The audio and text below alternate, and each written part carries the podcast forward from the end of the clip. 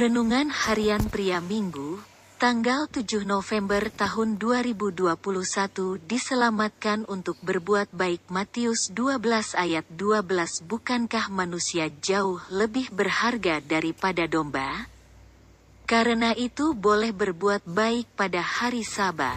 Yesus masuk ke rumah ibadat orang Yahudi, dan ada seorang yang mati sebelah tangannya. Orang-orang Farisi mengajukan pertanyaan yang menjebak.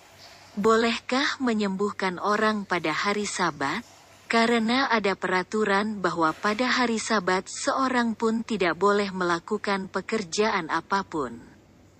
Yesus mengetahui niat jahat mereka dan memberi jawaban dengan memberikan pertanyaan, jika seekor domba yang mereka punya jatuh ke dalam lubang.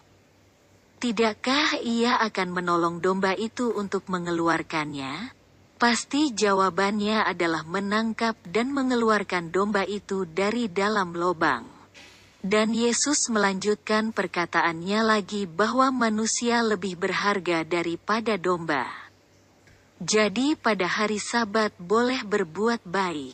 Pengertian yang keliru dari orang-orang Farisi mengenai sabat.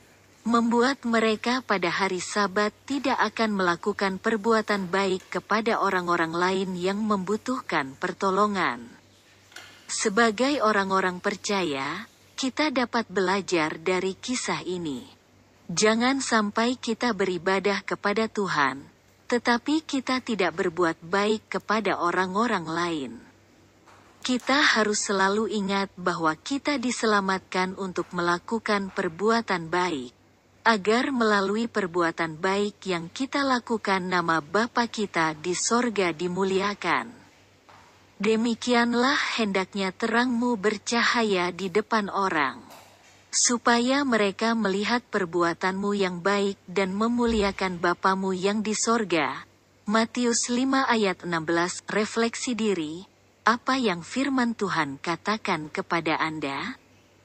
Bagaimana kehidupan Anda dengan firman Tuhan itu? Catat komitmen Anda terhadap firman Tuhan itu. Doakan komitmen Anda itu, pengakuan imanku. Dengan pertolongan Tuhan saya setia melakukan perbuatan baik kepada orang-orang lain.